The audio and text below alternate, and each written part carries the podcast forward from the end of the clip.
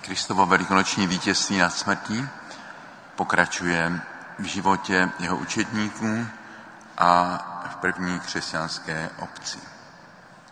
Kristova síla obrátila Šavla v Pavla a nyní Pavlovi dává neobyčejnou energii, aby navštěvoval, zakládal, znovu povzbuzoval a obnovoval křesťanské obce po celém širokém kraji.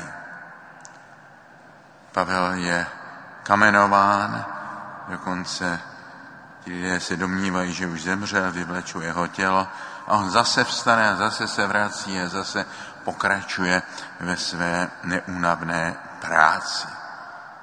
Toto je to zakladatelské dílo Pavlovo, který otevřel dveře pohanům ke Kristu.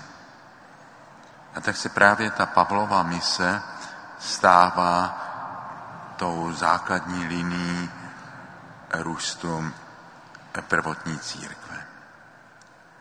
V dnešním evangeliu jsme slyšeli úryvek z řečí Ježíšových na rozloučenou při poslední večeři, tak jak je podává Janovo evangelium. Ježíš zanechává těm, které zanechává ve světě, jeden veliký dar a tím je pokoj. Ne pokoj na způsob tohoto světa, ale pokoj, který má docela jinou hloubku a kvalitu.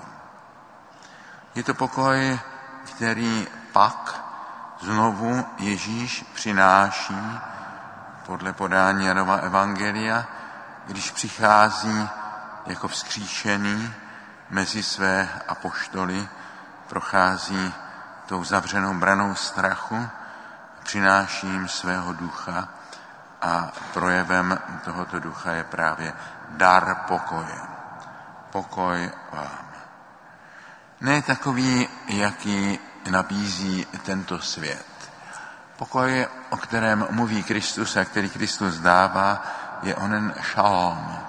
To je jeden z centrálních biblických pojmů, které mají velice rozsáhlé spektrum významů.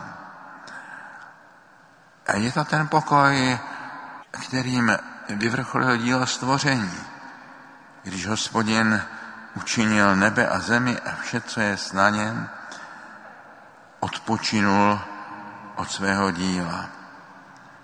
To je ta první zmínka o šalom, onom pokoji. Ten pokoj znamená harmonii. Harmonii mezi Bohem a člověkem. Mezi člověkem a stvořením. Pokoj v prvním lidském páru i v lidské společnosti. To je pokoj, do kterého říká Bůh uvede svůj lid. Šabat, sobotní klid, jedno z velmi důležitých přikázání desatera.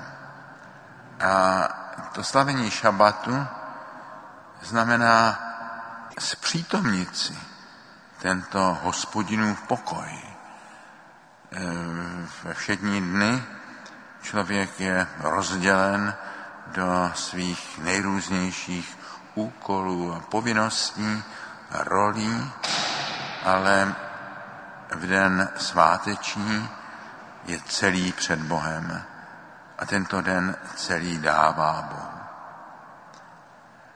Křesťanství, mladé křesťanství i vlivem Pavlovým eh, opustilo mnohé z příkazů starého zákona. Přesunulo postupně ten den odpočinku z onoho sobotního dne na první den v týdnu, kdy si křesťané připomínají Ježíšovo vzkříšení. To je pro nás onen den odpočinku, sváteční den.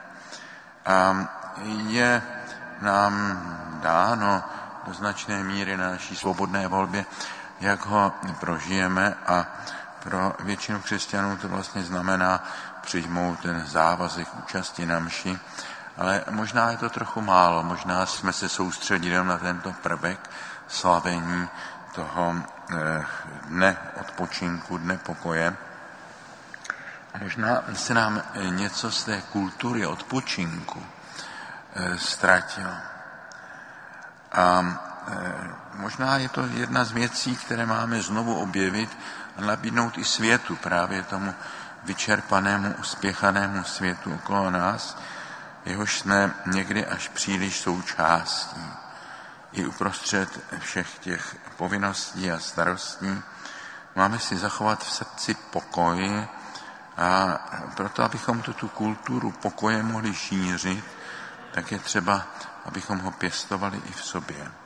Ono spočinutí v hospodinu. On, ten okamžik, kdy jsme celí. Celost a svatost v mnoha jazycích jsou jazykově příbuzné pojmy. Houl a holy a tak dále. Takže je to možná takový určitý úkol, eh, protože různé generace jsou eh, různě morálně senzitivní. Já to zcela zřetelně teďka vidím na té nejmladší generaci, studentské generaci, eh, nad kterou ta starší generace, jako je zvykem každé starší generace, nejrůznějším způsobem lamentuje. Ale mně se zdá, že ta nejmladší generace vůbec není nemorální, jenom ty důrazy, ty etické důrazy se z některých přikázání, které možná v minulosti byly až příliš zdůrazňovány, se přesouvá na jiná, na jiné hodnoty. Takže například tahle ta generace, myslím, velmi silně objevila ten rozměr péče o stvoření, o přírodu, zachování eh, prostředí, které nám bylo dáno a svým způsobem ona ekologická odpovědnost také souvisí s oním pokojem, harmonií, s oním šalom, který máme vnést do našeho vztahu k našemu okolí, k našemu přírodnímu prostředí. Ale e, ten šalom by bylo dobré také vnášet do našich vztahů mezi lidmi, mezi národy, mezi rasami, mezi různými skupinami. Víte, že ta dnešní společnost je paradoxně na jedné straně eh, velice komplikovaně propojena, ale na druhé straně je také velmi silně rozdělená. To rozdělení už není jenom mezi národy a mezi náboženství, mezi církvemi, ale uprostřed nich. A ty hranice rozdělení jdou často i uprostřed rodin a nejbližších skupin. Takže i tady je možná třeba přemýšlet o tom, jak do tohoto světa vnášet onen Kristův pokoj. A nejprve se mu musíme vnitřně otevřít. Kultura duchovního života, kultura meditace, jednou z těch cest, kterým vystupujeme z toho chvatu dne a nadechujeme onen Kristův pokoj, ten pokoj, který je hlubší, silnější, eh, účinnější, než je jenom ten eh, pokoj tohoto světa. Ježíš se loučí se svými učedníky, odkazuje jim pokoj a když ním přichází opět, říká, přijměte ducha svatého a tím projevem ducha je na jedné straně onen pokoj, pokoj svůj vám dává, a na druhé straně odpuštění hříchů. E, tyto věci také spolu hluboce souvisejí, protože teprve když je člověk zbaven toho vnitřního rozpolcení, které působí vina, tak se v jeho srdci, v jeho, v jeho životě, ale v jeho vztazích může obnovovat Kristův pokoj. Odpuštění a pokoj spolu hluboce souvisejí. Člověk, který nepředložil své viny a zranění před hospodina, tak ten je stále v sobě rozdělený a nemá ten pravý pokoj. Takže když eh, při liturgickém slavení opakujeme toto Kristovo přání, tak si uvědomme, čím vším je naplněno. Při mši si předáváme pozdravení pokoje a je to něco víc, než jenom to, ten běžný občanský pozdrav. Je to skutečně rozdávání onoho pokoje, který nám Kristus odkázal a o který musíme pečovat, abychom ho mohli okolo sebe šířit. Amen.